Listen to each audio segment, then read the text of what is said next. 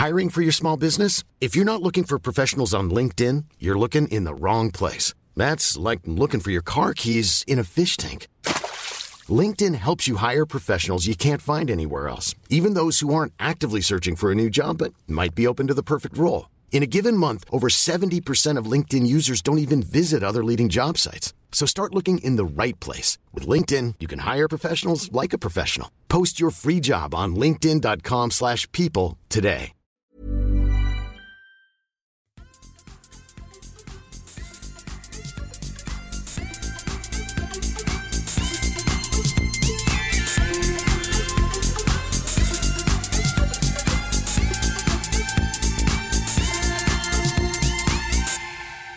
Med ren korv i käften så säger vi välkomna till 221 avsnittet. 222. 222 avsnittet är idag eh, av Kedja ut en podcast om discgolf. Jag heter Tommy Bäcke och gör det här tillsammans med Niklas Nyman som eh, är eh, på gång med sitt discgolfspelande har jag märkt den sista tiden. Hur är läget? ja, det är bra. Du, vi sitter tillsammans idag. Ja. För övrigt.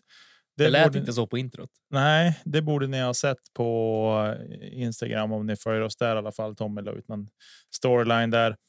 Eh, så vi sitter tillsammans idag, vilket är obekvämt på ett sätt och bekvämt på ett annat sätt. Man känner sig tvungen att titta på den andra när man pratar. Det behöver man inte göra hemma. Exakt. Eller när vi sitter separat. Så exakt så är det. Eh, nej, men, eh, nej, men, nej, men, nej, men, eh, ja, vad ska jag säga? Spännande att sitta tillsammans. Vi behöver ju träna på det. Det behöver vi, för vi ska ju fortsatt sitta tillsammans är det tänkt kanske även nästa vecka. Och sen veckan efter det, då blir det nog mer eller mindre jämnt. Mm. Vi får se lite grann hur det går nästa vecka. Det är lite kaos där jag brukar stå och spela in just nu. Det är eh, proppfullt med eh, flyttkartonger och eh, ja, skräp i princip. Så jag sa till min sambo att du, jag drar nog till Nicke och spelar in istället för att behöva sitta på discgolfvagnen och spela in i en mindre rolig sittställning. Ja, exakt. Men, eh, nej, men så det blir bra. Och inget körschema har vi heller. Nej, vad ska vi med det till? Det, så det blir lite Lotto idag. Eller ja, lite. Det är inte så mycket som har hänt förutom att eh, Tatar har dominerat ytterligare en gång. Men ja. vi kommer väl dit antar jag. Ja, precis. Eh, nej, men vad har hänt sen sist då? Vi, till att börja med så ska jag börja med att säga så här. Jag övertygade Tommy förra veckan om att det var avsnitt 222, men det var det inte. Det var 221 förra veckan. Så du pudlar åt mig? Jag pudlar åt Tommy för jag känner ett ansvar i att Tommy sa fel för att jag hävdade att det var 222 fast det var ju 221. Är det någon som har påpekat det? Nej, det är ju inte det. Vad skönt. Men, det är ingen eh, som bryr sig heller. Det är ingen som lyssnar. Nej, det är nog ingen som reflekterar över mer än att de kanske ser vilket nummer det är i ordningen. Jag vet inte. Who counts? Ja, det är ju inte så noga. Det viktiga är väl att vi levererar, tänker jag. Ett tag där så skrev vi inga avsnittsnummer heller, utan vi, vi fick räkna ihop vilket avsnitt vi var på. Gjorde vi inte? Nej, vi, där i början så är det nog. Det är någonstans det försvinner där i Ja, det visste inte ens jag. Ja, men jag, ska, jag ska ta fram det på en gång ska du få se hur det ser ut. Eh, det känns ju lite dumt. Ja, det är jättedumt känns det att det är så. Men eh, det, så är det. Du ser här i början hur det ser ut. Där ja, det är vi... sant. Där, där står det bara namn. Ja. Just det. Men eh, ja, du ser, vi utvecklas vi också. Ja, vi ska se hur långt. Alltså, jag tror att det, det är jättelång tid. Men var det inte, för vi använder Acast när vi eh, levererar ut avsnitten. Var det inte i samband med att de gjorde någon eh, var, mjukvaruuppdatering där att man kunde fylla i vilket avsnitt det var istället för att skriva det i titeln? Nej, men det, ju, det? nej, det har man alltid kunnat göra, för det här är ju titeln. Det är där, där jag skriver in det, vilket avsnitt det är. Okay. Vi ska se hur långt ner det är. Alltså, det är ju. Långt ner. Alltså, vi ska se. Det är det här som är så Vi hade till och med börjat släppa längs fairway med Lina. Ja, ja, visst. Absolut. För er som inte har lyssnat på det, det är några riktigt fina avsnitt faktiskt. Även om de är några år gamla så är de eh, kan de vara värt en lyssning. Ja, absolut. Vi ska se vars vi. Ja, det är ju helt galet långt tillbaks i tiden. Det är första året. Ja, hela första året. Vi är en bra bit in i säsong. Ja, vi är på fortfarande på säsong ett, men år två. Ja, det är ju. Är det någon? Det är ingen av discgolfpoddarna som kör säsong va? som har delat upp det. Avsnitt 100. Började vi då Då började jag med med att lägga in vilket avsnitt det är på. och då heter det program 100. till och med. Program 100. Sen hette ja, det hette program till länge tills bara på slutet när jag liksom varför ska jag skriva program för? Det låter så himla mycket P2. Men det är också så här när vi i, på vårt eh, Google-konto så står det ju först mappen heter program, men filen heter avsnitt. och så har det alltid varit. Ja, jag vet inte var det där kommer ifrån. Jag vet inte. Det blev vad det blev. Det blev väl som det skulle kanske till och med också. Ja, och sen eh, ja. Nej, vi. Och det verkar som att det är jag som har hållit i det här med program, för ibland är det någon annan som har redigerat. Du eller Elina och då var- vart det ingen, inget program. Då vart det bara vad det vi vart det bara något, någon rubrik. Men det är skit i samma. Det vi har hållit på länge i alla fall. Mm. Och det är kul. Eh. Det, det blir som en rutin. Det, vi, bara, det kommer, vi kommer bara in i det och så spelar vi in en kväll i veckan och så, så blir det bara så. Ja, nu alltså det är ju. Det är det här som är det bästa. Det underlättar ju något så enormt att sitta tillsammans. Ja, men det gör det absolut. Men det jag tänker också är att eh, när vi inte brukar sitta tillsammans så blir det också någonstans som att vi kanske är mer förberedda än vad vi har varit idag. Många gånger. Ja, men sen tycker inte du också att det är mer avslappnat att sitta själv? Ja, men det blir det absolut. Men också känns det någonstans. Nu, jag vet att du har följt discgolfen i helgen mer än vad du kanske gjorde förra helgen och jag har gjort det likadant. Och då kände jag idag när jag tänkte att jag hade fem minuter över och tänkte men ska jag skriva ihop ett körschema? Men nej, Nej. vi kan lika gärna prova och Ja, köra. men- Det har ju hänt förut också. Det brukar. Ja, det brukar kunna bli ett av de bättre avsnitten faktiskt. Men sen är det ju också att vi. I början var ju körschemat superviktigt. Då skrev vi ut på papper Ja, och kryssade för med penna. Ja. Det var. det var ambitiöst utav oss. Ja, det var det faktiskt. får man faktiskt ändå ta och säga. Eh, men det har ju varit lite så här. Det har hänt lite grejer. Eh, och jag tror att du är bättre än mig på att följa discgolf överlag, bortsett från tävlingar. Alltså, du lyssnar mer på andra poddar. Jag har börjat igen nu på slutet. Det var en tid där om man, om man tar egentligen från slutet på förra sommaren fram till bara för några veckor sedan. Då lyssnade jag inte på någonting. Nej, Då kunde jag gå in och som en lyssna små snuttar bara för då. Jag var så jävla stressad och haft alltså bara mått allmänt kast liksom ett år och så nu har man kommit tillbaka och liksom blivit. Men det är intressant igen och sen är det, det är lättare att följa också när säsongen ändå är igång. mm. Eh, Men som eh, nu har jag bör- börjat lyssna på Let's Snacka Plast igen. De, det var jättemånga avsnitt som jag inte hann eller kände att jag hann, hann lyssna på. Mm. Eh, Men även nu Talk Birdie to Me. Mm. Lyssnar på jättemycket, men framför allt så tycker jag att Tour Life är en bra podd att lyssna på. De har långa avsnitt och då kan du liksom någonstans somna till det och sen vakna upp och fortfarande ha två timmar kvar. Så är det som att ingenting har hänt. Men jag tycker att de har ganska bra jargong, Brody och eh, Paul Juleberry faktiskt. Mm. Och eh, mysigt när de tar in fler gäster i varje avsnitt också. Tycker jag. Mm. Hade vi haft den tiden så hade, hade det varit magiskt. Ja, men det, det går ju lite grann isär det där också. Jag är ju. Jag är ju inget fan av. Har jag upptäckt. Jag har ju försökt liksom så här. Ja, men man tar typ When We Were Kings till exempel som de har ju oftast monsterlånga eller monsterlånga, men de har långa avsnitt. Men Alltså, där, måste man, där måste du hänga med. Ja, För annars så, så förstår, tappar du ju storyn. ja, du tappar ju tråden där, för det, det handlar ju alltid om en. Det är ju bara en Mm. grej för varje avsnitt där, men jag har som upptäckt att det är bra produktion och liksom Jättefin produktion. allting är bra, men det är inte min kopp of te om man så säger. Alltså jag är inte där att jag vill lyssna på. Alltså jag har provat när jag kör långt med bil också att lyssna på och tycker att ja, men det är perfekt. Fast det är inte. Jag blir. Jag tröttnar lite. Mm. Eh, och tappa lite tråden i det också, för då kan jag börja tänka på annat så där. Utan jag vill hellre ha korta intensiva. Jag minns när vi var på väg. Oh, det är också hemskt att säga, men det är snart tre år sedan. Men vi var nere och spelade först Timrå och sen åkte vi till Falun och spelade. Var det 2020? Det var 2020. Aha. Eh, och då när vi körde hem minns du? Då lyssnade vi på den som skrattar förlorar podden.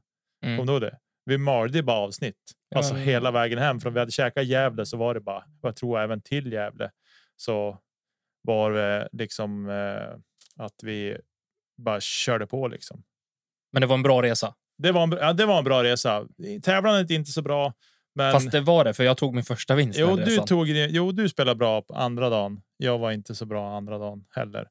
Jag var inte bra alls den här, men skitsamma. Det bortsett från det. Det var en bra resa, en kul resa som vi skulle egentligen ha gjort om. Och eh, ja, vi får ju se. Mm. Men det är skönt att kunna klämma in två, två dagstävlingar på en helg. Om det går ihop i planering. Ja, För menar, nu- borde det inte heller vara så svårt i och med att det, är tävlingar överallt. Vi, bo- vi behöver ju åka långt oavsett. ja, Så det, alltså, resvägen spelar ju egentligen ingen roll. Det är ju bara att det ska vara typ på vägen. ja, exakt, exakt. Nej, men så vi får väl se vad vi kan hitta på för någonting i. På på den fronten. Har ni tips på någon höstresa där ute så hojta till. Och gärna inte då att vi ska till Helsingborg och sen ut till västkusten och så snedda upp över Järva och tillbaka sen, utan man får ta det lite rimligt känner jag.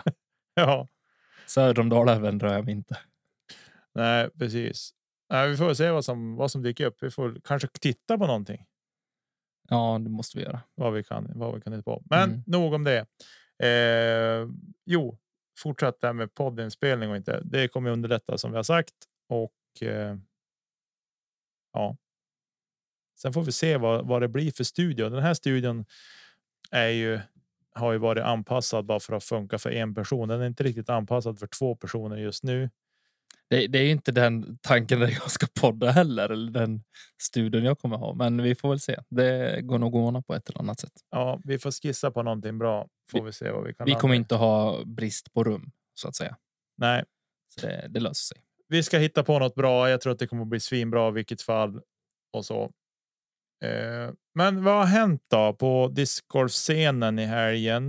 Kan vi inte ta vårt eget spel? Vi har ju spelat rätt mycket själva.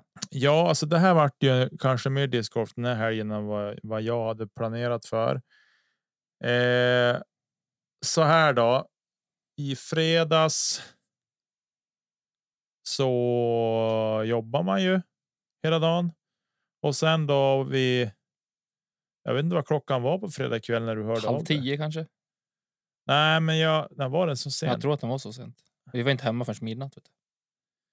Eh, då hörde To- Tom hörde av sig i alla fall. Efter nio var det i alla fall på fredag Mm. kväll. Hörde Tom av sig bara. Ska vi ta en kvällsrunda eller? På I20. Jag bara.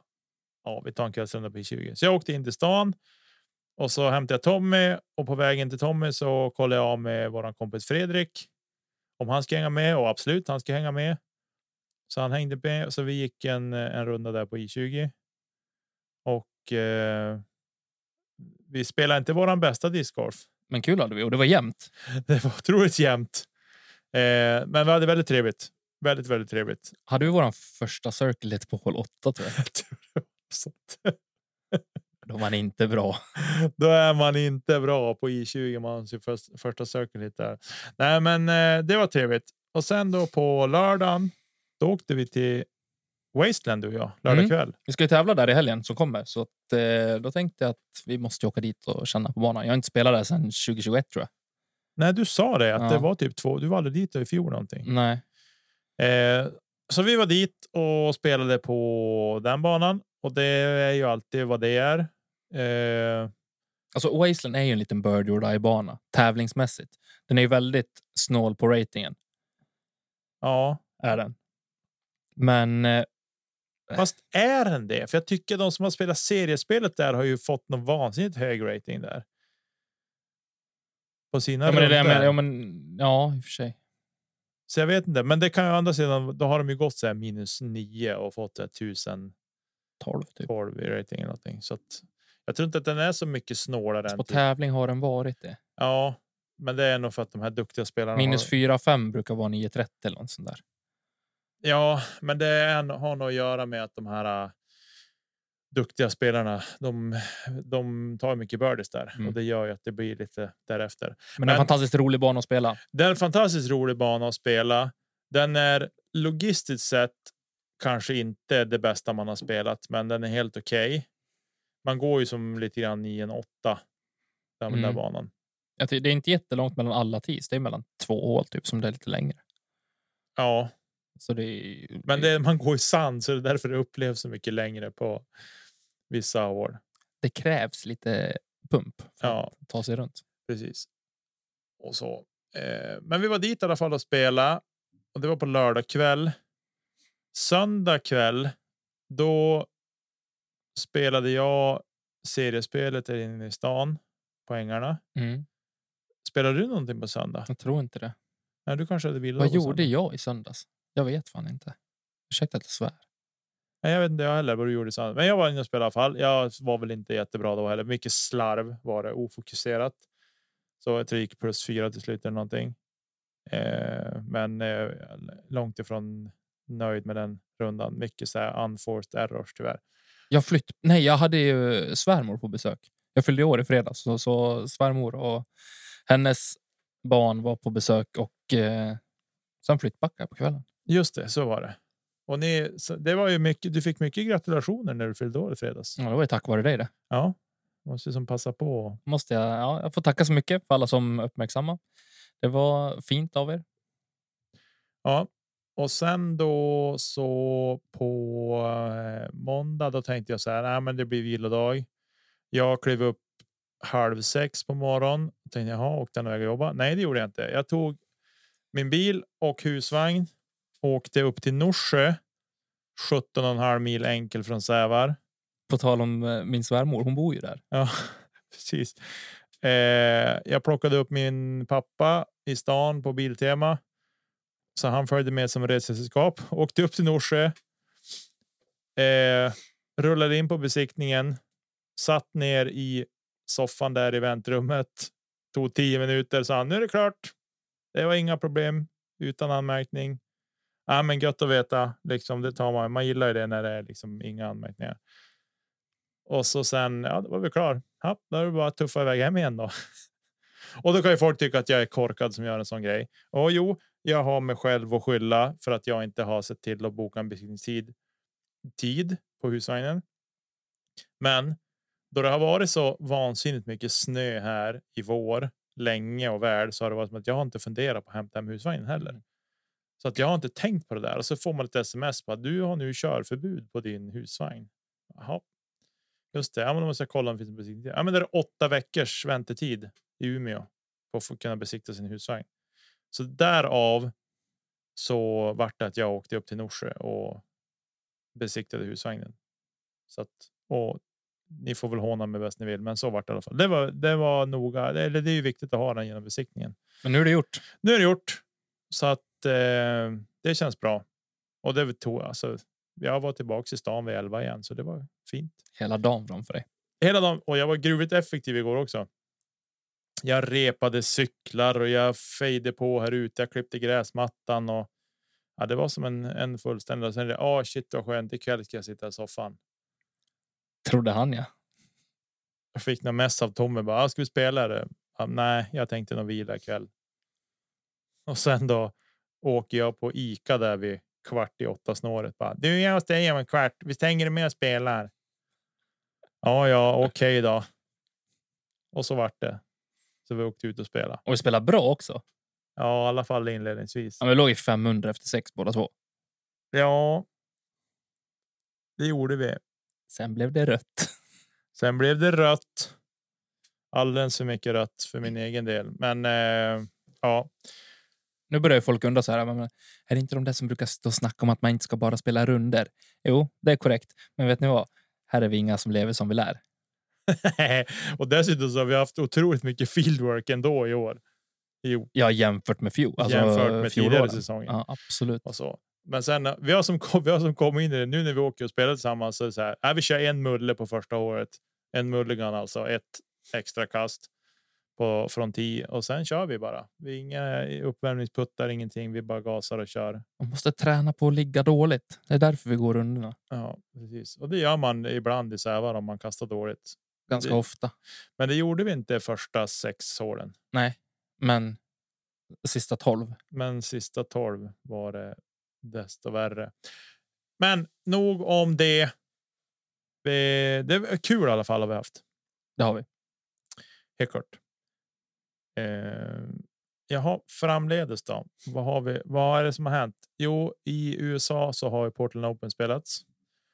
Och där var det en one women show. Men så här, går man in i, inför en tävling och har en win percentage på, eller alltså win possibility percentage på 64 procent eller vad det var, 64 eller 69 tror jag Kristin Tatar hade. Eh, det är 92 på att hon ska komma topp tre. Känns värt att satsa pengar på det eller? Bra odds. Nej, men då känns det ju någonstans som alltså det, spontant så känns det lite högt i och med att hon ändå inte har varit så dominant som vi som hon var i fjol. I fjol, typ på höstsäsongen. Eh, men i och med det här så den vinsten hon tog i helgen så är det ju ändå fem av åtta Elite Series som hon har vunnit Mm. och det får vi någonstans kanske säga fortfarande är dominant. Ja. Det får man ju säga. Men vad var din känsla? Om vi tar för jag har bara sett damerna eh, lite herrarna, men inte inte mycket alls. Men din liksom spontana känsla om banan.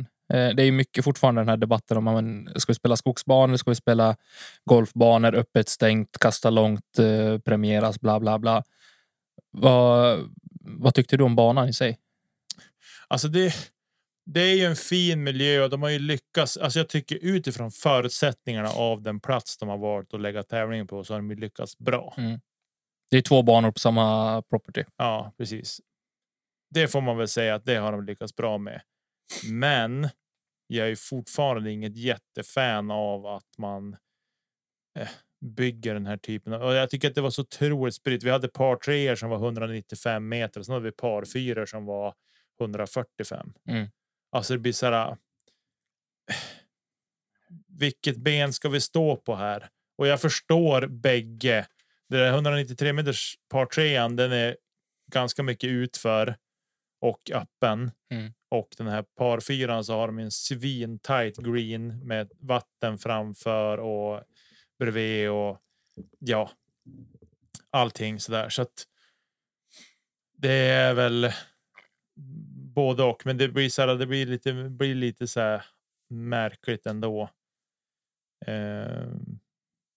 Och jag tycker att det, jag- kan tycka på DGPT nivå, alltså den nivån, världsnivå, världselitens nivå som de är på, så tycker jag så här, men par fyror kan vara liksom upp till 270, 280 meter Mm. max. Sen över det tycker jag att då är det par femmer ändå, för alltså det. Men det beror ju på lite grann hur terrängen ser ut också. Det är väl det som spelar ganska stor roll i just kontrasten mellan de här två hålen som du, som du diskuterar nu. Visst, 194 meter är långt från på tre, även om det är utför. Eh, Det ska ju vara stup för att jag ska nå fram. Men sen med tanke på hur, hur terrängen såg ut på par fyran så tycker jag ändå att det är rimligt någonstans. Jo, men det blir lite så här. äh, Det För du premieras ju av att kunna kasta 194 meter utför. Jo, så är det ju, men det är liksom. Det blir ju att den. Det var väl på NPO antar jag. Ja, det var på NPO. Ja. Jag vet inte vad de hade för om de hade en kortare tid på damerna eller det vet jag inte. Mm. Eller om de hade gjort om den till bar fyra bara. Det kan ju vara så också. Eh, men jag tycker att det blir lite så här. äh, Det sänder lite så här halvdassiga signaler när man. När man har den där typen av. Av hår bara enkelt. Jag tycker väl att det är lite tråkigt. Men som sagt, jag vill. Jag vill ju se discgolf på skogsbanor eller rena discgolfbanor ska jag säga. Om du får ta en eh, optimal bana på Pro-touren just nu, vilken skulle du välja då? Vilken är den bästa discgolfbanan? Jag är så dålig på på discgolfbanor. Jag gör det lätt för mig och säger Maple Hill. för den tycker jag. Men det finns ju andra banor som är liksom parkmiljö på något sätt. Men det är en, en, rikt, alltså en ren discgolfbana. Jag gillar ju banan som de spelar med Des Moines på. Ja, och jag vet ju inte vilken bana. Alltså, jag kan inte. Men den är ju verkligen så här. Den är ju varierad på ett sätt, men den är fortfarande inte öppen som en golfbana. Mm. Heller. Och det var ju lite det om man ska ta dra lite paralleller. För Paul hade gett en liten minikänga i sin inför intervju till Estonian Open också. Eh, det här med att han, han gillar inte den vägen som DGPT är på väg att gå med den typen av bandesign. Mm. Utan att han hellre, att det är därför han har valt att spela mycket i Europa, för att det fortfarande är mycket, mycket tajtare linjer, det är mer skogsbanor. eh, Enligt honom mer discgolf. Mm. Exakt. Nej, men alltså det är det här som är eh, egentligen problemet tycker jag med att det är. Det är tv-vänligt Mm. med och det är det här. Det har jag nämnt tidigare, säkert ett flertal gånger. Men jag tycker att man tappar lite greppet om att sporten är inte först, utan det blir så här produktionen och media och alla de och sälja och alla de grejerna liksom hamnar jämte eller lite framför sporten. Och det gillar jag inte. Jag fattar att man ska ha en bra tv-produktion också, men jag tycker ju att man man kan få bra tv-produktion också än om man spelar på ja, men på Maple Hill till exempel. Eller, och jag tycker att de tävlingar man sett från Maple Hill tycker jag tycker inte att det var ett problem med sändningarna därifrån alls. Nej, men allt, allt handlar ju om vad du har för typ av uppkoppling antar jag. Men eh, jag är för dålig på hur liven fungerar. Men eh, det är också mycket de pratar om att hur, vad är det för kvalitet på, på sändningarna? Och den är ju bättre såklart den är, när det är öppet, det är närmare till civilisation eller på att säga. För det upplever jag att det är många ställen som inte har det i USA. Ja, Vilket gör att produktionen blir mycket, mycket sämre. Det är pixligare och du har inte en ren bild. Och det är lycka varje gång man ser att fan, bilden är ren. Sen då får discgolfen komma i andra hand lite grann. mm, precis. För jag menar, tävlingen ska fortfarande spelas och de utvecklas ju också liksom i sitt sätt att filma. Nu ser du inte bara bakifrån med en kamera utan du ser allting både uppifrån, framifrån, bakifrån och från sidan. Och så jag tycker att det blir ju mer levande oavsett Mm, och lättare att följa både disk och spelare. precis. Nej, men den, ta den banan som de hade på på Jonesboro till Mm. exempel. Det är, också en sån bana som jag som jag gillar att och miljön där och, Ja, men och den, Eh, och det är väl, jag är nog så här, det har jag sagt förr också. Jag är inget fan av, dis, alltså av golfbanor, att man spelar på den miljön. Så det är fin miljö, men jag tycker inte att det är bra för. För discgolf Mm. när man nyttjar för mycket av golfens fairways och och så. Eh, det är dit jag vill komma, men eh, nej, men vi alltså och discgolfen har en utmaning i allting som ska göras, alltså det man ska skapa. Bra tävlingar och. Få med hela alltet. Mm. Man vill visa upp sporten man har så bra man bara kan och samtidigt så vill man även att eh, sporten ska vara tuff, alltså att den ska vara. Det ska vara tuff för spelarna och så. Och det blir så här. Och jag tycker att det ska man hålla fast vid hårdare än att det är så viktigt att man har bra kameravinklar. Mm. Om jag säger så. och det är svårt att alltså hittills har man inte hittat någon optimal kompromiss eh, riktigt. Upplever jag i alla fall. Nej, och jag tror att jag tror absolut att vi kommer att komma dit att de att man kan. Ja, vad ska jag säga? Att man kan göra bra produktion. Det är samma sak som med golfen också. Men golfen är ju så mycket större och så mycket längre fram och mer pengar och allting hela den biten inne. i. Mm. Så där har de ju kunnat satsa på att göra bra tv-produktion också. Men Det är också någonting som, som Brody var inne på i senaste avsnittet av eh, vad heter det? Tour Life. Eh, så man, alltså fördelen discgolfen har kontra golfen det är att du faktiskt har möjlighet att ha olika typer av banor. Mm. På golfen är det ju visst, de kan ha olika, men, olika designer på banorna, såklart olika typer av banor. Men det blir ganska ofta ganska lika. Du har en bunker, du har lite vatten, du har en fairway och en green. Mm. Discgolfen har ju som mycket mer, alltså oändligt mycket mer med, med möjligheter att, att skapa en bana. Mm. Du kan ju skapa någonting från ingenting alls på Ja, kort tid. exakt. Så är det.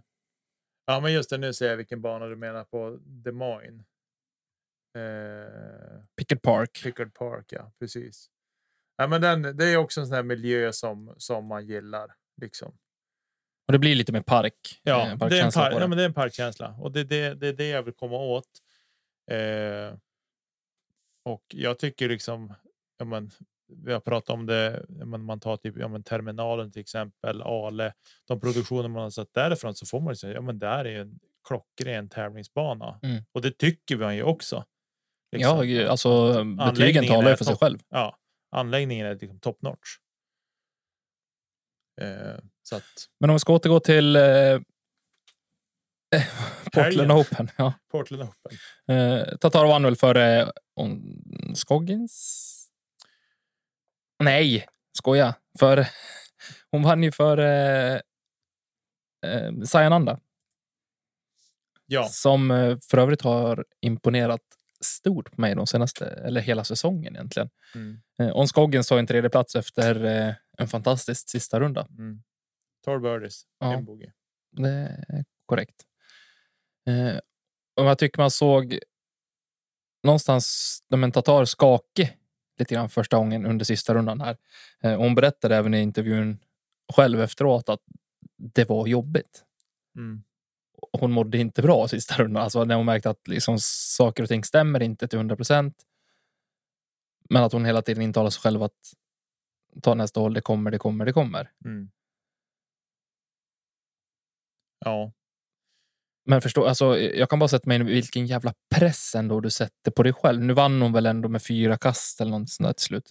ja, hon vann med fyra kast. Ja.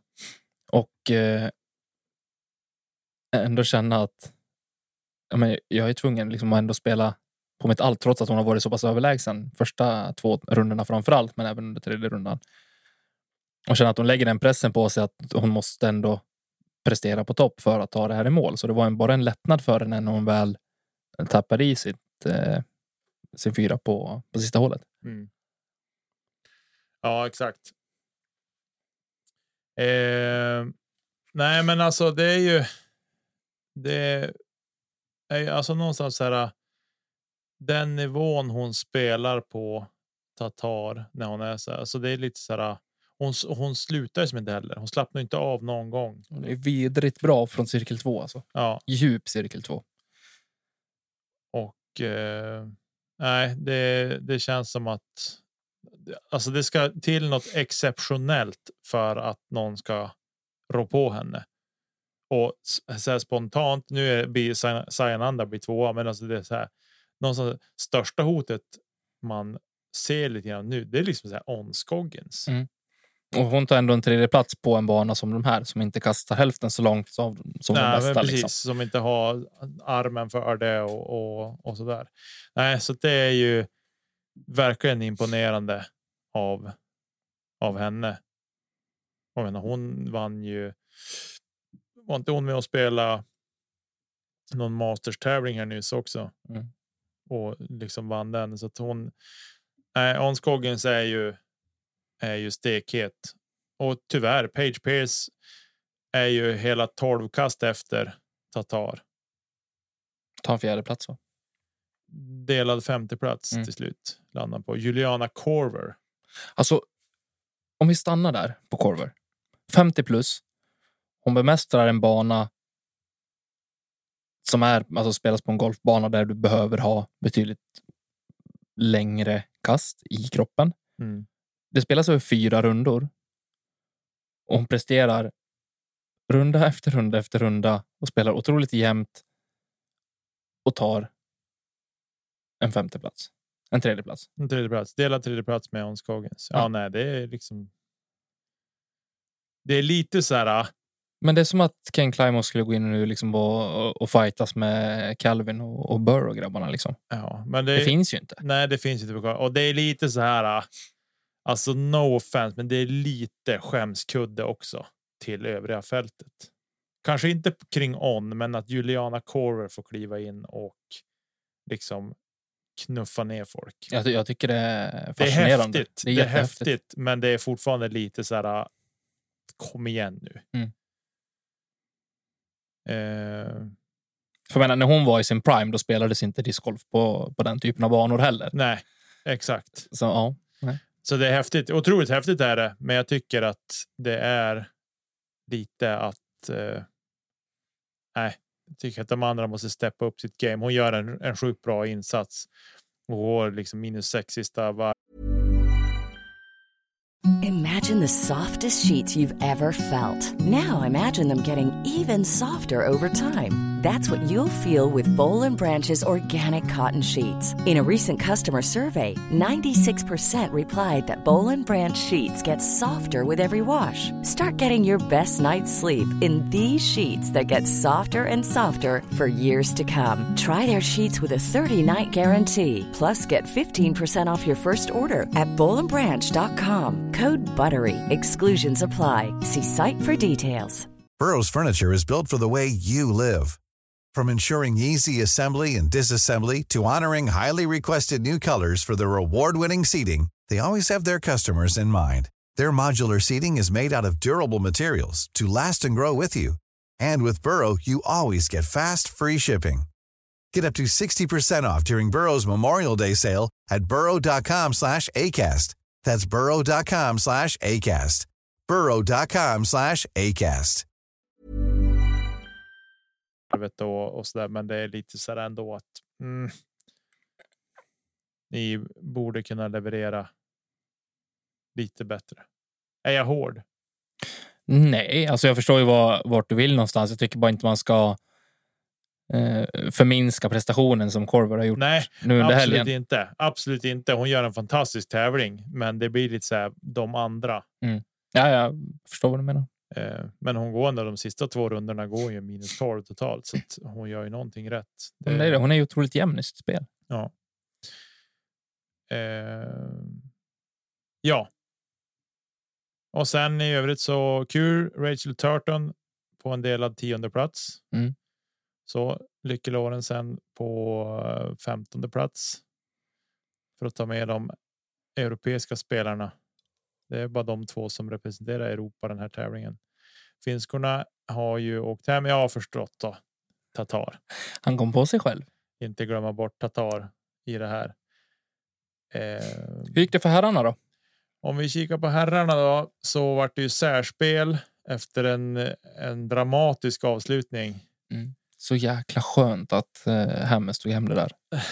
ja, han satte en lång putt för birdie på sista hålet och eh, Gossage hade ju chansen och hade han sänkt sin birdie putt där så hade han vunnit. Men han Mm. satte den i korkant. Fick ingen riktigt lyft i putten. Det har man ju aldrig gjort själv. eh, och sen var det särspel och till slut så kunde Adam Hammes ta hem det. Före Gossage då. Och sen har vi Corey Ellis på tredje plats, Isaac Robinson på fjärde plats och de gick väl alla. De gick ju tillsammans då på på lead card dessutom. Och sen har vi på delad femte plats James Proctor och Alden Harris. Calvin Heimel först på en sjunde plats, vilket är lite.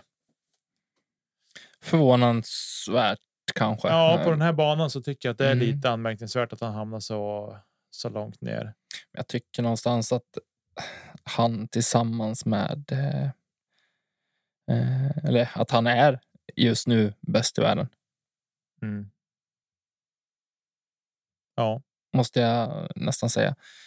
Med en liten bubblare, kanske inte bäst i världen, men James Proctor som har presterat gång på gång på gång på gång, men Ja. ändå inte, ännu inte varit Inte så pass fram, högt upp. nej. Men att ha den jämnheten och otroligt höga prestationsförmågan är imponerande i mina ögon. Ja. Eh, vi hittar Jakob Semerad på en 14 plats Mm. som första europé där. Tätt följt av Jona Heininen på en 15 plats. Finnarna åker ju hem nu också. Ja, dessutom det. Och så hittar vi Samuel Sott som nu har en tysk flagga igen. Han har ju, det har varit lite framåt det där med. med Har, har Max ändrat också? Eh, Det vet jag inte. Det kan vi kolla här. Han gjorde en fantastiskt bra tävling. Måste jag säga. Nej, han har kanadensisk flagga. Mm. Eh, faktiskt. Men ja, det. Ändå så här, typ Thomas Gilbert också. Det är också en som har bra skjuts i armen, men han presterar inte alls på den här tävlingen. Eh, sen en sak som jag tycker är värd att nämna, inte en så rolig grej kanske, men ändå en, en helt sinnessjuk streak har kommit till ända den här tävlingen också. Nate. 16 Mm. missade cash för första gången sedan 2008. Men alltså så här. Det är mycket i helgen som har påmint mig om hur jävla gammal vi börjar bli. Säg han som fyllde 30 Ja, men inte, i inte nog med att jag fyllde 30 i fredags. Och spontant, jag är en jäkligt känslomän, alltså känslomässig människa. Jag har känslorna på utsidan hela tiden. Eh, Så fick jag se det här att Nate 16 missar cash första gången 200 på 246 event eller någonting. Ja, Alltså förstår du hur mycket det är? ja, det är helt sjukt. Han missar alltså cash då. Sen får jag se Karim Benzema göra sitt sista mål för Real Madrid. Då kom det så här en liten, liten smygtår i ögat. Att, vilken fin era ändå. 24 titlar på 14 säsonger. Bra jobbat. Men det brister totalt för mig när jag sitter och scrollar igenom TikTok och ser Zlatans avskedstal på San Siro. Då var det slut för mig. Då, då, jag orkar inte mer. Zlatan slutar med fotboll. Nate 16 har tappat cashen. Och då är det så här. Vi har ändå varit med, alltså under hela våran tid som discgolfare så har vi sett Nate 16. Han har alltid varit liksom i en central figur inom discgolfen oavsett om han har bara följt det på coverage. För när, vi, när jag började med discgolf och kolla på, på coverage, då var ju han i toppen. Då var han i världstoppen. Då syntes han på coverage. Sen har jag följt han mer som om en kommentator på Jomes och så vidare. Och så nu kommer det någonstans ett, ett besked att han inte längre kanske är den han alltid har varit. Jag ska inte dra några stora växlar av att han missar cash första gången, för det kommer alltså någon gång skulle vara den första. Men någonstans så blir det ändå ett, ett tecken på något vis. Mm. Och Zlatan som alltid har varit svensk fotboll liksom är lägger av, slutar med fotbollen. Mm. Och han har ju ändå på något sätt, alltså Nate är ju inte Zlatan. Inte, inte Zlatan på det sättet. Nej, men alltså förstå mig rätt. Alltså 200, 264 events. Har han tagit 200, cash. ja, du säger 264. 264. Jag tog fram hans inlägg här. Sju länder, 28 stater. Och sen 2008 då. 5557 dagar. Bara det, bara att han har räknat ut det är ju fantastiskt. Eh, och så. Men han har aldrig gett upp liksom oavsett. Och eh, när han, han tänkte bara, han är ändå stolt liksom. Och jag tror Mm. att han, den här streaken är nog kanske den längsta. Det vet vi ju inte, men jag tror att den är nog en av de absolut längsta Mm, det tror jag att han är. inom discgolfen. Det hade varit intressant att veta. Det var väl... Vem var det som missade först? Var det Coling i övrigt som hade som missade tidigare? Om det var i fjol? Ja, han hade ju också något inlägg om att han missar cash. Ja. Simon har ju också missat cash nu. Jag tror Eagle också har missat cash, Ja. så att de får ju börja om. Eh, och det känns ju spontant. Eagle är väl den som man tänker ska kunna starta på en streak på samma längd, men han. Men det blir bara svårare och svårare också. Ja, och han går ju sönder titt som Och han är inte purfärsk längre han heller. Nej, precis. Typ 24 eller vad han är. Stackarn. Men också, vad jag skulle komma till? Jag tappar bort mig helt. Ja, men. Eh, sjukt imponerande streak och. Det är ju lite sorgligt också. Och han fällde en liten tår där i sin ensamhet när han på banan när han insåg att jag kommer missa cash. Mm, han hade väl behövt göra en igel på sista hålet tror Ja, jag. Eh, För att ta det. Men ja, så är det. Men också, jo, det jag tänkte säga var det här att vi har också sett men, gamla inom situationstecken spelare som har varit med eller spelare som har varit med ett tag nu som liksom börjar inse att sporten växer lite för fort för att vi ska kunna hänga med spelmässigt. Paul Juleberry till exempel. Han gjorde ju ett fantastiskt inlägg på sin Instagram och liksom förklarade hur hans tankegångar går och eh, vad han känner och så vidare. Mm. Och jag tror att någonstans den generationen av spelare som kom efter Clymo, McRae och eh, Schwebbe och de grabbarna. Eh, med Paul, Nico, eh, Kay Leviska, Will Schusterick. De någonstans börjar ju fasas ut nu. Lite grann. Och jag tror att det blir någonstans någon form av identitetskris också för att de alltid kunnat identifiera sig som några av de absolut bästa i världen på sin sport. Mm. Ja, och dessutom så någonstans liksom. De. De fasas ju ut lite grann på grund av den här boomen också.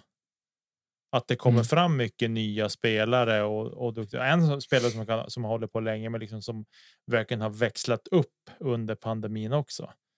Och blivit bättre discgolfare. Som kan, ja, men de kan ha PDG nummer liksom som är ja, men i slutet på 90 serien och in på 100 000. Alltså där jag är runt den. Och liksom kliver in på tävlingar och levererar och ligger högt upp liksom i scorekorten och eh, liksom i tabellen och levererar verkligen. Så att det känns som både och. Men, men de har varit med länge. Men, men Nate Sexton har ju varit med sjukt länge. Paul har spelat jättelänge också. Mm. Eh, så att de har ju hållit på länge. Och dessutom när det är den här typen av sport, en explosionssport. Så ja, vi ser ju skador hela tiden som som dyker upp. Och jag tror ju att de här äh, längre, tuffare eller längre banorna, ska säga tuffare vet jag inte jag tycker att de, de är tuffa för att de är långa, men de i övrigt så bjuder de inte riktigt på samma svårigheter som en skogsbana kan göra. Nej, och sen. Jag vet inte om man ska dra, alltså det blir ytterligare en diskussion egentligen, men om man ska hålla kvar det vid, de, men vid längre banor och så vidare. Discgolfspelare är inte tränade för det. Nej, Det är därför de går sönder, det är därför de får ont och det är därför de tycker att det är jobbigt. För att de är för dåligt tränade. ja. Ja, men de är inte. Nej, precis. Det är, det är inga atleter. De om kan man ser det från göra- den de kan aspekten. och det, leverera. det gör mig så jävla förbannad. Ja, Att man kan, kan, gå ut och gnälla bara. ja, men de kan ju. De kan ju leverera den där längden på kast. Ja, två tre gång- gånger. Två, tre gånger, men sen börjar det liksom kännas och göra så. Och det förstår man ju. Ja, men För det är en Du vet ju själv, du, kraft. du pratar ju, ja, men du pratar ju om det, hur vi gjorde. Liksom. Ja, vi drar en mulle på ettan och så kör vi ett varv. Mm. De här idioterna gör ju samma sak, fast de är världselit. Ja. De kliver upp på hål ett och så kastar de tre drives. Mm. Exakt som ja, men Brody var inne på, på det här också. Liksom. Ja, men är det konstigt att folk går sönder? De Mm. bästa, de som kastar längst i världen, de är ju samma sak. Mm. Ja. Och så tror man att Seth Mosley, Mao Mansi, ska rädda dem med någon jävla snurr bakom nacken. Fan, nu, nu är jag arg igen. Helvete! Får fan börja träna lite. Ja, nej, men jag- tror att det som det det är det som krävs. Men sen också så tror jag att jag, jag tänker man tänker sig. Om vi tar. Men vilka spelare har vi? Men att att Ricky har varit borta. Ja, men han fick ju borrelia eller något skit. Men han har ju ont i lymfsystemet. Det är det som är problemet. Liksom. Och då det. Han har ju som inte. Han kan inte prestera på grund av det, men det är ju inte en skada i sig, utan. Men det handlar om en procent. Hur många är det som har Lyme disease nu? Det är tre stycken eller någonting. Det är väl Rick, eh, Brody och någon mer. Ja, men det är i alla fall. Det är, de, det är inte många i alla fall, men som har drabbats av det och det är med äckelfästingarna som drar runt på den skiten bland annat. Eh, så det går ju som inte att skydda sig mot på något sätt tycker jag. Men att ja, men spela långbrallor jämt går ju, men ja, du förstår var jag ska komma någonstans. Ja. Men sen om vi tittar på men vilka har dragit på sig förslitningsskador? Den första jag kommer att tänka på det är ju Eagle 24 bast. och han är 24 år gammal. Han kastar ju skitlångt när han är hel. Ja, och så snurrar han disken bakom nacken och tror att det ska hjälpa. Att det inte ska eh, göra ont. Nej, men det, han är ett tydligt exempel. Sen har vi Simon. Han har också varit trasig och han vart ju Samma trasig. sak där. Han vart ju trasig på grund dels han skyller på någon forehand video han höll på att spela in länge väl som till slut så lyckas han, eller om det var en back, jag kommer inte ihåg, han ska göra Mm. något ace i alla fall. Det var ju under pandemin också. Det har han ju gått tillbaka till när han har gått igenom sin, ja men prata om det med skada. Ja men det här är förmodligen orsaken den här dagen, för han stod och kastade Mm. disken hel dag och så gick han sönder. Och så.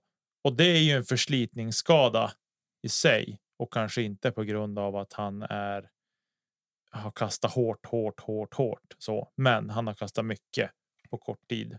Eller ja, man nu kan kalla en hel dag kort tid, men då har han kastat Ja. extremt mycket.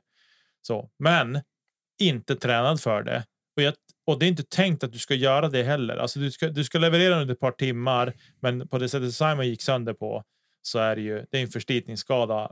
För mycket casting på kort tid. Mm. Men, och det är det jag menar. Vilken fotbollsspelare på världsnivå står och, och smäcker frisparkar från 34 meter En hel dag. en hel dag? Ingen. Nej. Nej, exakt. Utan de nöter kanske en timme på sin höjd för att sen orkar de. Det blir dålig precision för de orkar inte längre. Nej. Och sen så har de folk som sköter kost och nedvarvning och fan familj åt dem också. Ja. Men jag, jag, blir- jag blir så trött bara på det här. Att Ja. liksom, nej men vi ska inte spela. Alltså, man vill spela och kasta långt, men du vägrar träna för det. Eller vägrar, du, du tränar inte för det. Och så blir du förvånad när du går sönder. Mm. Så är det. Fick jag det sagt också. Jag blev så jävla arg. Ja. Igen. Ja, Tommy var det elak. Jag har också ont i armbågen, men jag tränar inte heller. Och det är mitt eget fel. Jag skyller inte på någon annan för det. Ja. Ja. Nog surrat om det. Vi har ju, det har ju tävlats i Estland också. Estonian Open. Där dit Paul åkte och var med. Mm. Tog en stark 21 plats. Uh, vi kommer till han, men vi hade svenskt på plats också. Emanuel Bengt, va? Uh, jajamän, och sen hade vi även på damsidan som jag tänkte vi skulle börja med. Där hade vi Lina Rydberg och Josefin Johansson. Mm. Josefin slutade på 13 plats och Elina på 14 plats. Eh, och eh, Alltså det är tunnast damfält i Europa.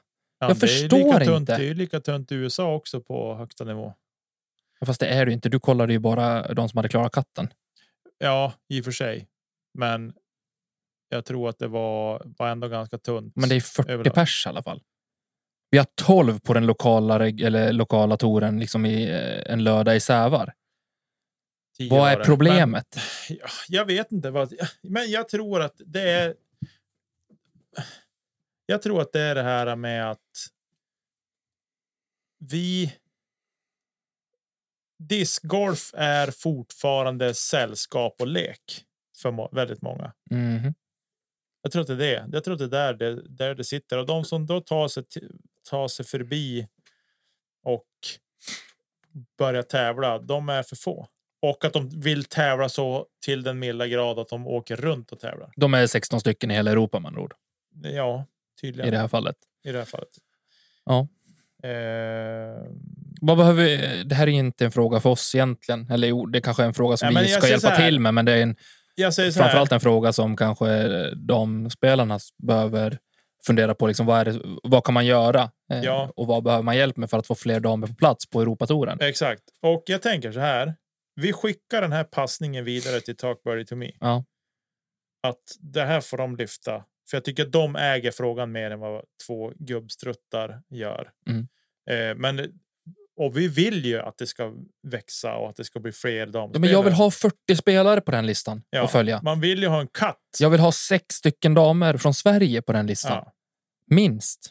precis. Och det är ju. Det här förstår man ju. Det är ju en ekonomisk fråga också att man ska ha råd att resa och alla de bitarna. Givetvis. Och eh, så, men ändå.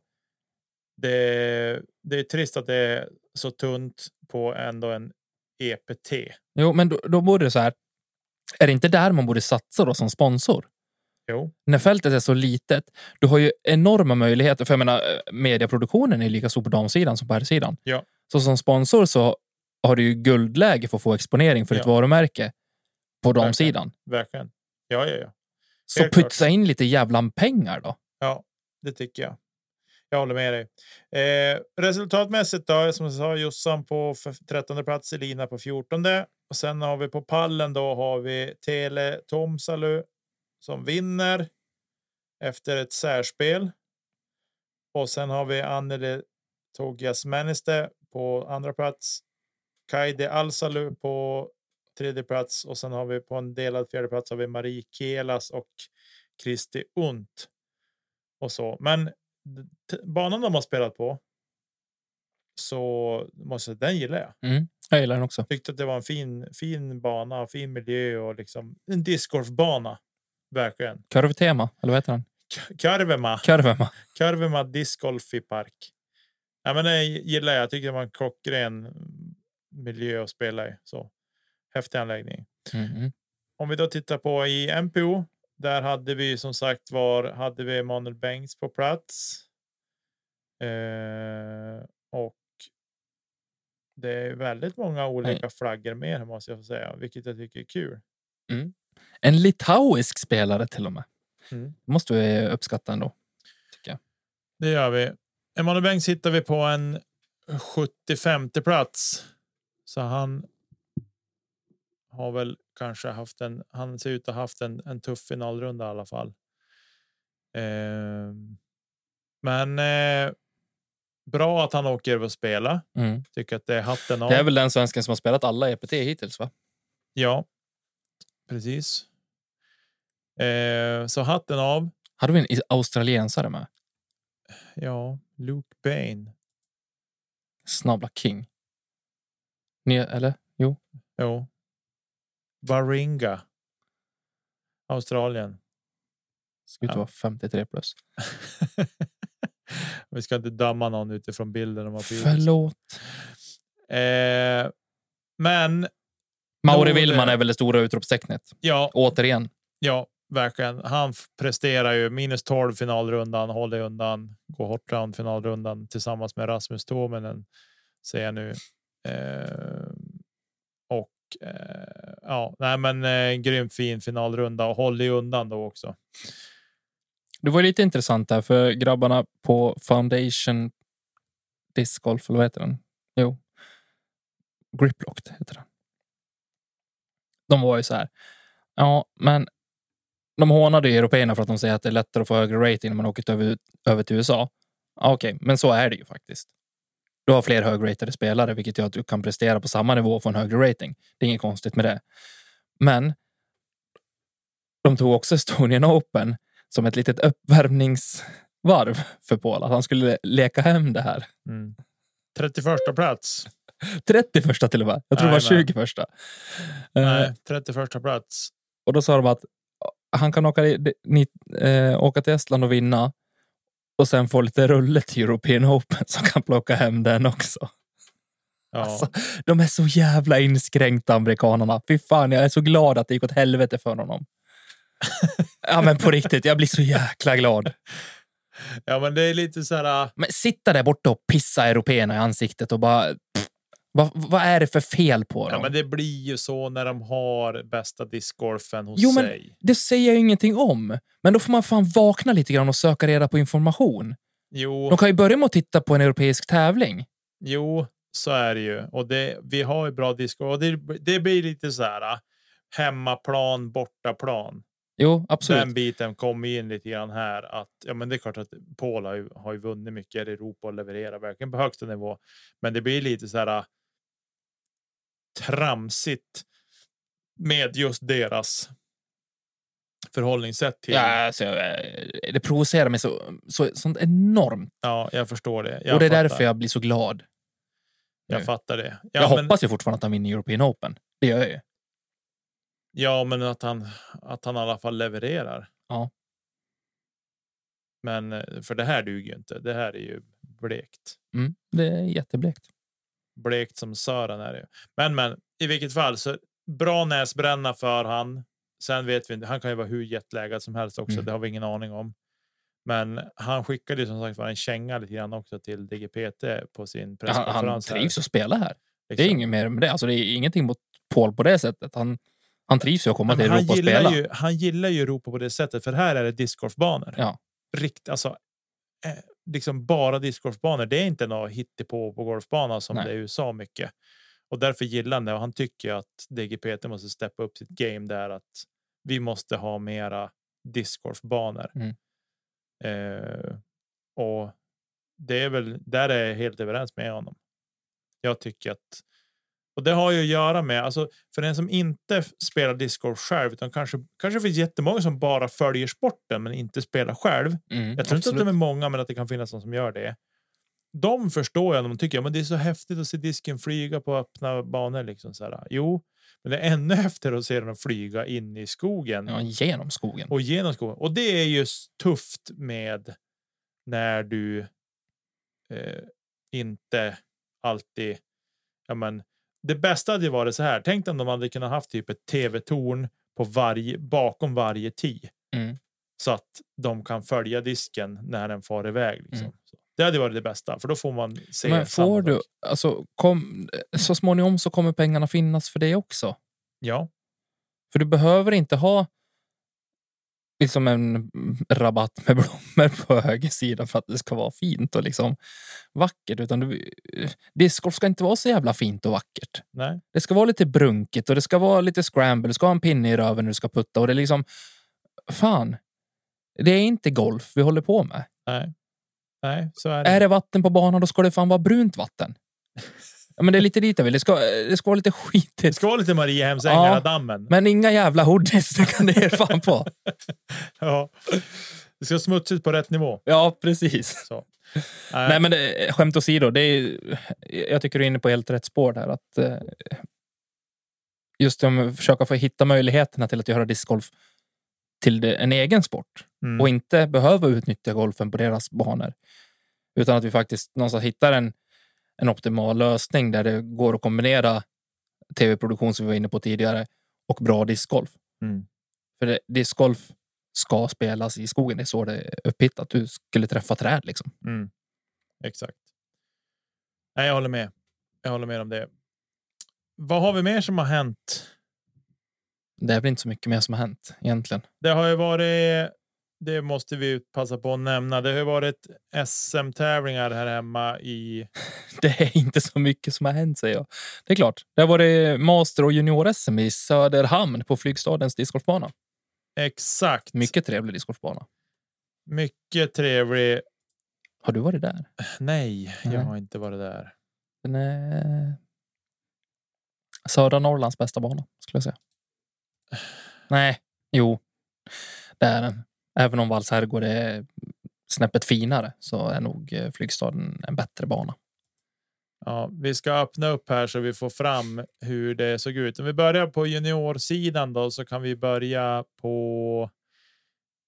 Flickor juniorer under 18 år. Där har vi högst upp på pallen Julia Fors.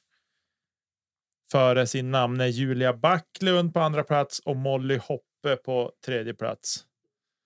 Och Tess Lindva på fjärde plats. Det var fyra tjejer med. Kul med ett tunt start- startfält, men kul ändå att det blev fyra till start. Ja, men alltså att det är fyra under 15. Ja, det tycker jag. Hatten av och kul och jag hoppas att klubbarna där ute tar lite ansvar också. Hur många var det på eh, EPT? 14, Ja, 15. precis. Ja. Så det är ju en, en bra tillväxt om man jämför mot det. Eh, I pojkar, pojkklass eller mixed junior under 15. Har vi guld till Norrland? Där har vi guld till Norrland. Ville Parpala vinner fyra kast för eh, Elmer Furustig och sen har vi på tredje plats Arvid Håkansson. Och så där vill jag nämna bara för att eh, du bor snart i Sävar och jag bor i Sävar redan. Där har vi Walter Varg från Sävar som var där och slutade på en 15 plats Mm. och han fyller 12 år i år så att han eh, tycker jag presterar bra. Häftigt. Det är häftigt. Och Bra sen- jobbat Walter. Sen har vi Mixed Junior under 18. Ytterligare guld till Norrland. Där har vi ja, Norrland. Ja, men Härnösand får väl ändå Södra. Norrland får vi väl säga då. Eh, Elliot Jonsson vinner hela fem kast före Bastian Värme på andra plats och Filip Abrahamsson på tredje plats. Södra Norrland. Ja, tycker. är över Sveriges mittpunkt i alla fall. Ja, på, på, på gärsen. Ja, men gött där ändå med ett stort startfält på 26 spelare. Det tycker jag är kul. Eh, får säga. Om det sen kilar över på, på Master SM som spelar på samma bana, samma helg och, och samtidigt och hela den biten. Så har vi då på i Women's Pro 50 så har vi Annika Ljungman vinner före Monica Karlsson. Och eh, på andra plats och Kristina Karlström på tredje plats. Eh, sen har vi eh, i Women's Pro 40. Där har vi Pia Andersson högst upp på pallen före Åsa Myrberg på andra plats och Marie, Maria Hellberg på tredje plats. MP60. Där har vi Joakim Gran högst upp på pallen före Olle Samuelsson och sen har vi på delad tredje plats Thomas Andersson och Martin Ek och där har vi Choppe Söderblom på en femte plats. Våra allas Choppe. MP50 då? Starkt startfält. Mycket starkt startfält. Eh, där har vi högst upp på pallen Johan Ålund. Som levererar på en hög nivå. Före Raimo Värme på andra plats och Thomas Svan på, på tredje plats. Och där har vi Umeå bekantingar både på femte plats Fredrik Lindberg och på tionde plats Fredrik Nilsson. Bland annat.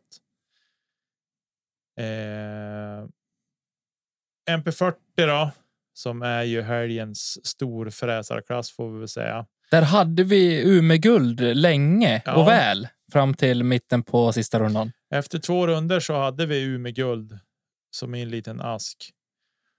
Och så. Men eh, discgolf är discgolf. Och eh, det försprånget knaprades in. Men eh, ja, bäst när det gäller som alltid Anders Svärd. Än en gång ytterligare ett guld Mm. till samlingen. Eh, vinner ett kast före Per Karlsson från Sundsvall och på då tredje plats hittar vi Nils Rittfeldt som har gjort en fantastiskt bra tävling ändå överlag. Ja, gud alltså. Hatten av. Ja. Otroligt starkt. Otroligt starkt och bra tävlat där. Ehm, Honom ska ställas mot på lördag. spännande. Ja, det blir spännande. Får du mäta det med honom. Det ska bli kul. Så. Ja, det var det. Det var helgens SM-tävlingar. Vet som du om det filmades någonting? Kommer det någon post coverage på det här eller? Jag låter det vara osagt. Det kan ha filmats, men jag låter det vara osagt. Ja. Ehm, Kan jag hoppas. Vi får väl se om det dyker upp någonting. Det kan vara så att det kommer film på det. Mm. Film coverage. Film. Kommer en dokumentär om helgen. en dokumentär om helgen som var. Ja, nej, men eh, ja, det var det. Det var det. Det var det Vi ska på resa i helgen. Eller resa. Vi ska på Ja. äventyr. på äventyr i helgen. Ja. Det blir kul. Vi ska tävla på i Wasteland eh, utanför Robertsfors i den andra deltävlingen av eh, Västerbottenstouren. Mm. Det känns. Eh, det ska bli kul att göra debut själv. Ja, just det. Du var ju TD första tävlingen. Det var ju tredje Mm. första tävlingen, så det ska bli väldigt roligt och, och Och jag ser fram emot att få tävla eh, hemma. Eller ja, lokalt i alla fall. Regionalt kanske man säger. Igen. Det var, även om det var i augusti senast så känns det som att det var flera år sedan. Så jag ser fram emot att få komma, komma hem och få tävla en dagars event, två varv, stressa i sig lunchen. ja, fast det blir inte så mycket stress nu. Nej, det blir inte. Men jag ska ju vara caddy åt dig också. Ja, men du behöver inte stressa för min skull. Nej, Eh, gå och slafsa i mig en sallad. ja, precis. Nej, men sen har vi det är en, en hel drös med tävlingar i övrigt också. Ehm, Måste vi ta det då? Ja, men vi kan bara nämna dem. Det är Nokia Open ska spelas på Nokia Disc Golf Park i Finland. Det är en fantastisk anläggning. Pro Forest ska spelas och Zootown Open ska också spelas i helgen. Och eh, ja, Nokia Open är väl kanske den tävling som man eh, ja, funderar mest kring. Den, den spelas ju inte på The Beast rakt av. Nej, Utan eh, den är lite, lite annan. Ja, den är lite annorlunda den. Får vi säga. Alltså det som kittlar lite för mig det är Pro Forester i Kroatien. Jag tror, om du klickar in på den bara lite snabbt, spelas den på Svettia? Nej, det gör den inte. Drava Pro Drava. 18. Mm. Tänkte om de spelade på samma som EM gick 20... När var det? För förra gången. Mm. Men det var det inte. Och här är en hel del svenskar som åker ner och spelar också. Josef Berg bland annat. Är på plats. Emil Karlsson är på plats. Och är det den Emil Karlsson som jag tror. Eh, jajamän, Slussfors mellan Storuman och Tärnaby. Kommer han ifrån. Stort. Det är, alltså, någonstans så här, jag tycker att det är görhäftigt ändå. Ja, liksom. Han det- spelade Västerbottenstouren i fjol. Nu är man på Eurotour. Och nu är han på Eurotour. Och han, dessutom så har han eh, sett till att det finns en 18 hålare i Slussfors också. Det är häftigt. Det är häftigt. Eh, ja. Som sagt, det är en hel del svenskar som åkt ner och ska spela där. Vi önskar er stort lycka till och för, försvara våra färger på plats där nere.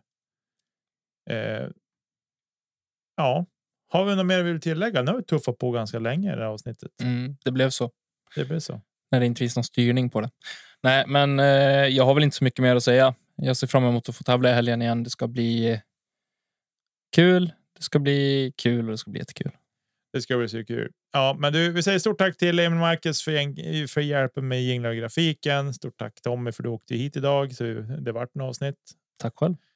Och eh, annars alla ni där ute, ha en superfin vecka. Vi hörs och ses en annan gång. Hej då! Puss och kram.